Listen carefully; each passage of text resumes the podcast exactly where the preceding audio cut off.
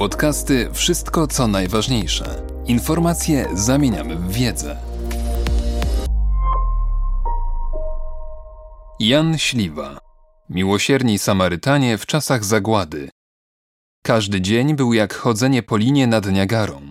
Jeden zły krok, światło włączone w niewłaściwym momencie, płacz, jakikolwiek błąd i koniec. Tarnów, okupowana Polska 1942.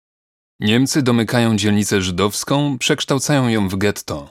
Dni morderczego amoku. Na ulicach leżą ciała we krwi. Ludzie próbują uciekać, niektórzy są wpychani do synagogi, która spłonie wraz z nimi. Kilka dni później do drzwi swojej polskiej przyjaciółki puka Żydówka. Drzwi otwiera młoda kobieta. Co ma robić? Udzielenie schronienia Żydowi oznacza śmierć. Tak mówi niemieckie prawo wprowadzone przez okupantów i obowiązujące Polaków.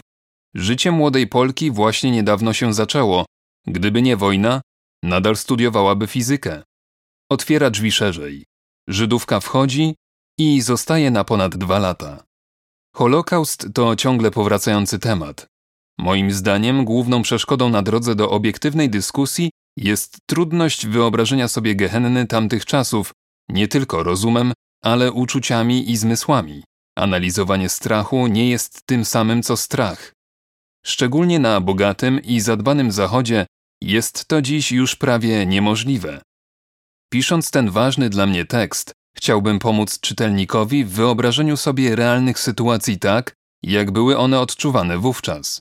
Przedstawię tło, aby każdy mógł poznać teren, na którym miały miejsce opisywane wydarzenia. Podam kilka przykładów działań i trudności w udzielaniu pomocy, przedstawię dylematy etyczne, wreszcie zastanowię się, czy oprócz moralizowania jesteśmy dziś lepiej przygotowani na tak ekstremalną próbę? Z biegiem czasu Niemcy jako sprawcy II wojny światowej zostali wyeliminowani ze świadomości społeczeństw świata, zostali zastąpieni przez abstrakcyjnych nazistów. Naziści nie mają ojczyzny ani dzieci. Wyparowali w 1945 roku. Ponieważ konkretni łajdacy są jednak potrzebni, w rolach tych obsadzono Polaków. Stąd możemy czytać o Żydach mordowanych przez nazistów w polskich obozach śmierci. Ponieważ w takim sformułowaniu jedyną obok Żydów uobecniającą się nacją są Polacy, do umysłów czytelników zostaje wbite skojarzenie naziści Polacy. Powtarzane jest to tak często, że bliskie jest osiągnięcia trwałego efektu.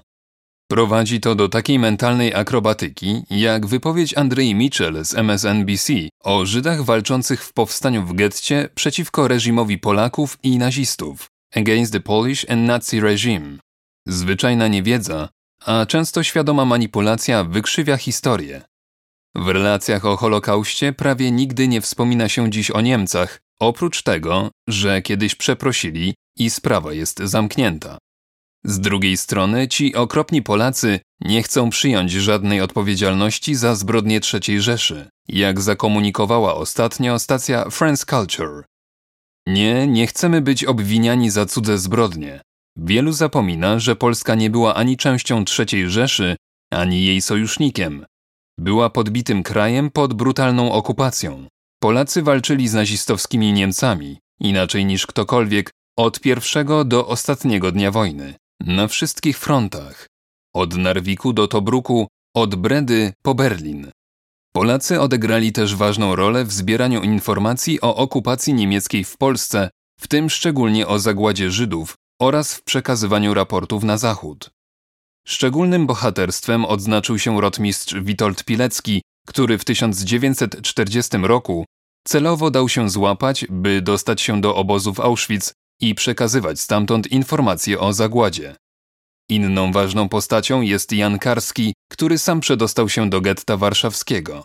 Opracował kilka raportów o okupacji i Holokauście, które jako kurier przekazywał na zachód.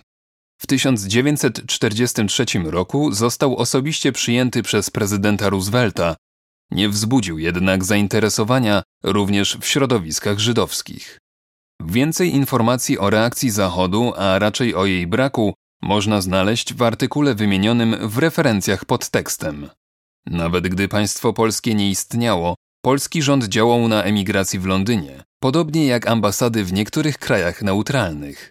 Jednym z nich była Szwajcaria, gdzie grupa dyplomatów pod przewodnictwem Aleksandra Ładosia, polskiego posła w Bernie, wydawała dla Żydów fałszywe paszporty południowoamerykańskie. Były one rozprowadzane przez kurierów do wielu krajów europejskich, tysiące ludzi zawdzięcza im życie. Co do pomocy Żydom, dziwne wydaje się, że wszystkie kraje i osoby, które niczego nie zrobiły, mają na to mnóstwo wymówek. Długo obozy zagłady były poza zasięgiem bombowców, ale w 1944 roku, podczas zagłady Żydów węgierskich, było już inaczej. Wbrew obecnej narracji, żaden z przywódców zachodnich nie chciał prowadzić wojny dla Żydów. Zbyt silny był powszechny na zachodzie antysemityzm, ale to wygłodniały polski chłop, śmiertelnie wymęczony sześcioma latami wojny, widzący wszędzie wokół siebie śmierć, miał uratować honor ludzkości. Czasem po prostu nie starcza mu sił. Pod niemieckimi rządami każdy dobry uczynek mógł kosztować życie, własne, rodziny i sąsiadów. A wszystkie te życia mają wartość. Myśląc o Żydach, pamiętajmy, że każde życie się liczy, all lives matter, co dla każdego humanisty powinno być oczywiste. Niektórzy porównują okupację Polski do okupacji Francji lub innych krajów zachodnich. Te przypadki nie mają ze sobą nic wspólnego. Niemcy wprowadzili precyzyjną hierarchię ludzkich ras. Sami określili się oczywiście jako Herrenvolk, rasa panów. Nieco niżej byli Skandynawowie, również Nordycy. Francuzi byli całkiem nieźli. Do tego lepiej było korzystać z Paryża niż go niszczyć. Na samym dole byli Żydzi, prawdziwe nieszczęście, jak mówił popularny niemiecki slogan propagandowy. Minimalnie wyżej stali Słowianie, Polacy, Ukraińcy, Rosjanie. Slawen, Sklawen, Słowianie. Niewolnicy brzmi podobnie. Ich pech polegał na tym, że żyli na terenie, który Niemcy chcieli zdobyć dla siebie. Lebensraum im Osten, przestrzeń życiowa na wschodzie.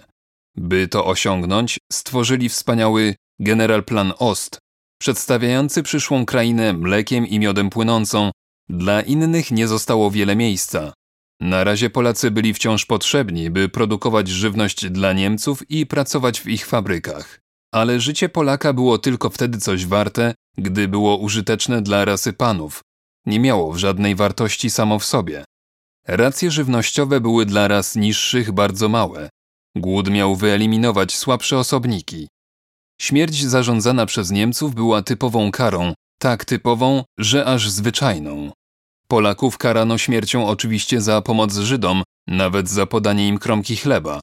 Wiele takich przypadków znajdziemy w archiwach dokumentujących tę wojnę, ale też za niedostateczne wywiązywanie się z dostaw wieprzowiny dla niemieckich panów lub posiadanie radia, które pozwalało słuchać audycji Londynu i polskiego rządu na uchodźstwie. Po napaści 1 września 1939 roku Niemcy szybko pokazali, kto tu na terenie podbitej Polski rządzi. W ramach Intelligenz Action wymordowali 100 tysięcy członków elity politycznej i kulturalnej, chcąc tym złamać kręgosłup narodu. Nowy niemiecki gubernator generalny zaprosił profesorów Uniwersytetu Jagiellońskiego na wykład o niemieckich planach szkolnictwa w Polsce. Profesorowie przyszli ciekawi wykładu, po czym oddział SS wepchnął ich na ciężarówki i wywiózł do obozu koncentracyjnego. Wszystkie te działania i wiele innych nastąpiły krótko po napaści, wykluczyły więc wszelkie mrzonki o porozumieniu Niemcy-Polska czy formalnej kolaboracji. Ustanowienie polskiego rządu nie było tu możliwe. Działania te były uważnie obserwowane przez marszałka Peteina i skłoniły go w 1940 roku do szybkiego podpisania zawieszenia broni i zaprzestania oporu. Za wszelką cenę chciał uniknąć we Francji podobnej brutalnej okupacji, jakiej dopuścili się Niemcy w Polsce wobec Polaków. Podbój Europy, świata, był głównym celem niemieckiej III Rzeszy, ale tuż obok, drugim celem była eliminacja Żydów. Akcje przeciwko Żydom odbywały się w kilku fazach. Najpierw nasiliły się prześladowania, konfiskata mienia, wysiedlanie do gorszych domów, następnie zamknięcie w gettach. Gdy podbój Związku Sowieckiego się zatrzymał, okazało się, że wojna potrwa długo, wobec czego zapewnienie żywności stanie się problemem, a trauma głodu była wciąż żywa po poprzedniej wojnie. Skrupulatnie liczący Niemcy stwierdzili, że nie mają żadnego pożytku z Żydów, których i tak nienawidzili, więc jakoś trzeba było zredukować ich liczbę. Żaden kraj nie chciał ich przyjąć. Konferencja od Evian 1938 po Bermudy 1943 nie dały rezultatu. Brytyjczycy zamknęli dostęp do Palestyny. Tragedie statków St. Louis, Struma czy nawet po wojnie Exodus 1947 pokazują, że wszyscy chcieli odepchnąć problem od siebie. Opcja wysiedlenia na należący do Francji Vichy Madagaskar była ze względu na brytyjskie panowanie na morzach niewykonalna. W styczniu 1942 roku na konferencji w Wannsee Niemcy zdecydowali się na ostateczne rozwiązanie, czyli na eksterminację Żydów w specjalnie zbudowanych obozach śmierci. Komory gazowe i krematoria zapewniły skuteczne mordowanie na skalę przemysłową.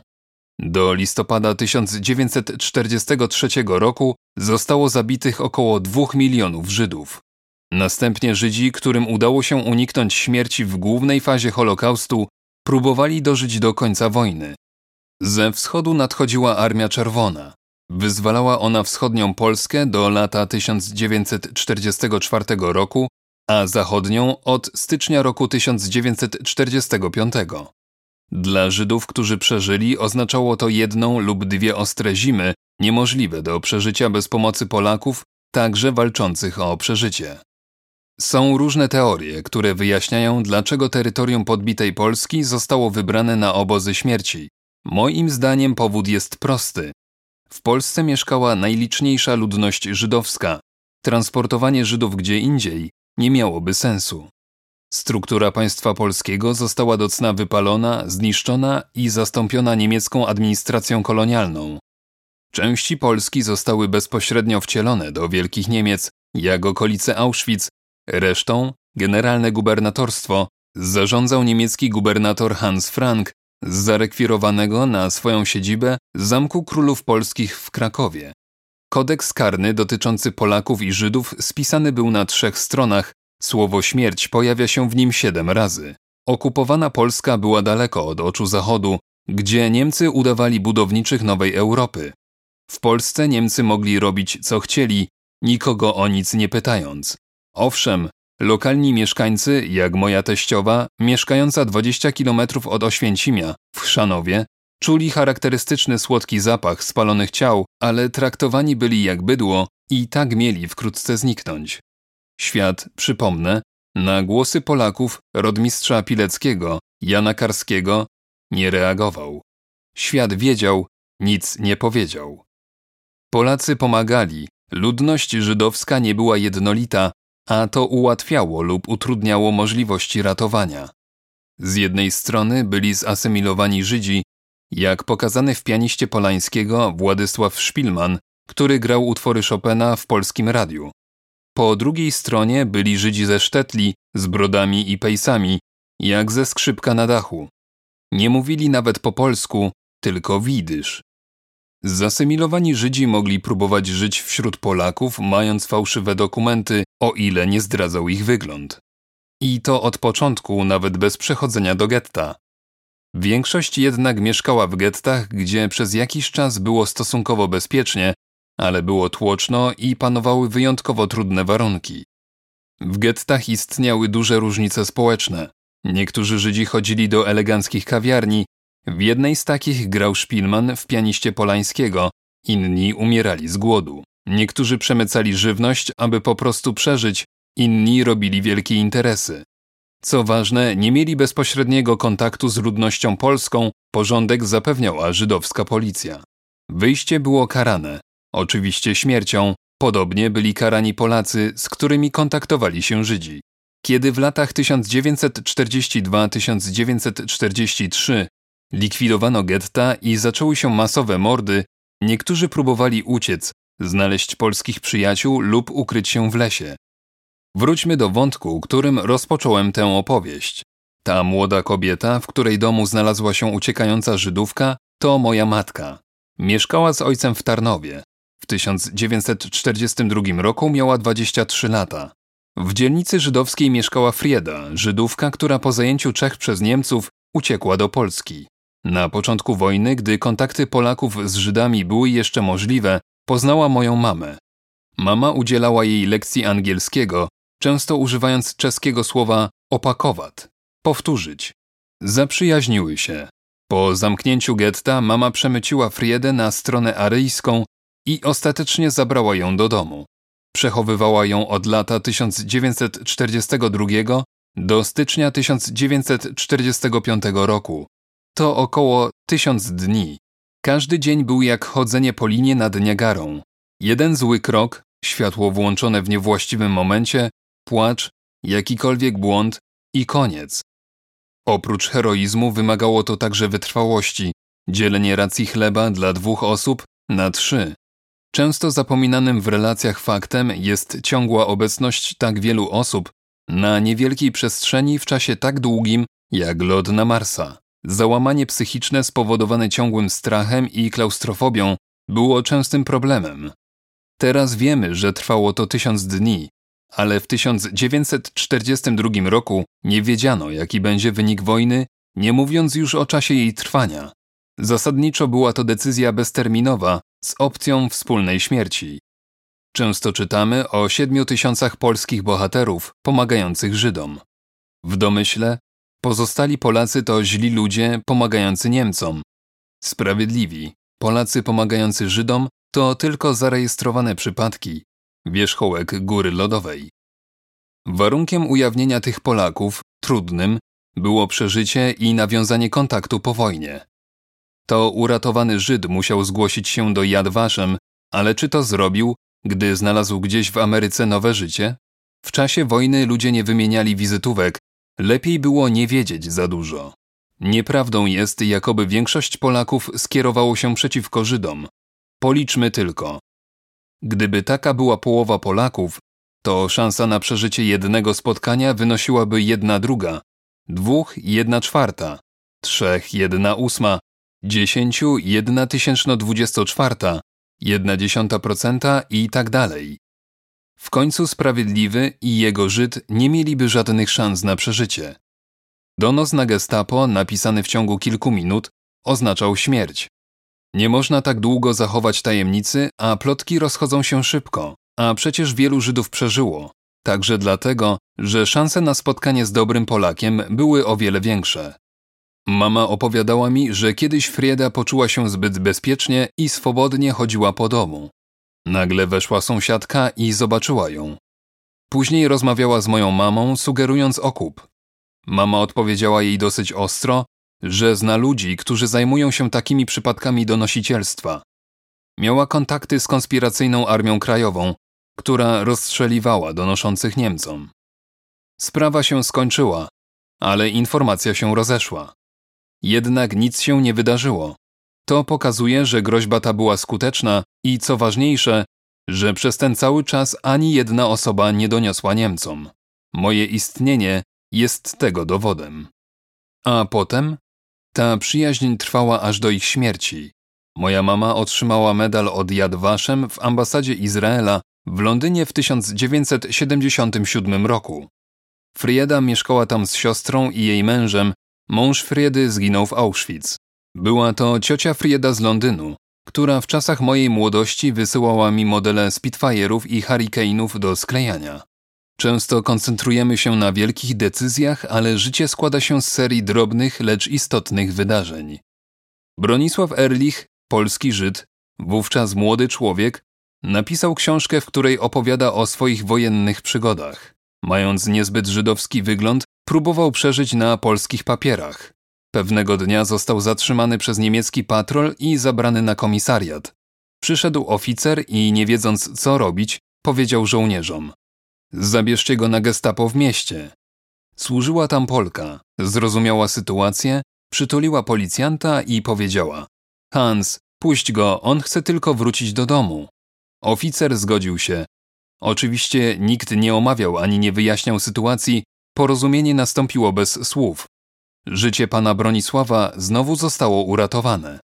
Takie małe wydarzenia nigdzie nie rejestrowane były decydujące, Każde z nich było jak gra z losem w rosyjską ruletkę. Gdyby zdecydowana większość Polaków nie była gotowa do pomocy, szansa na wygranie tych wszystkich gier o przeżycie w ciągu sześciu lat byłaby bliska zera. A przecież wielu przetrwało. Ale ich strach był bardzo realny. Jedna przegrana oznaczała śmierć. Nic dziwnego, że wielu pamięta głównie ten strach i wszystkich bliskich, którzy zginęli, a nie otrzymaną pomoc. Niemiecka groźba kary śmierci była bardzo realna. To choćby jeden z wielu podobnych przypadek rodziny Ulmów we wsi Markowa, południowo-wschodniej Polsce. Ulmowie przez lata pomagali Żydom. W 1944 roku mieli u siebie dwie żydowskie rodziny, łącznie osiem osób. Wiedzieli, jakie jest ryzyko. Byli dobrymi i odważnymi ludźmi i dobrymi chrześcijanami.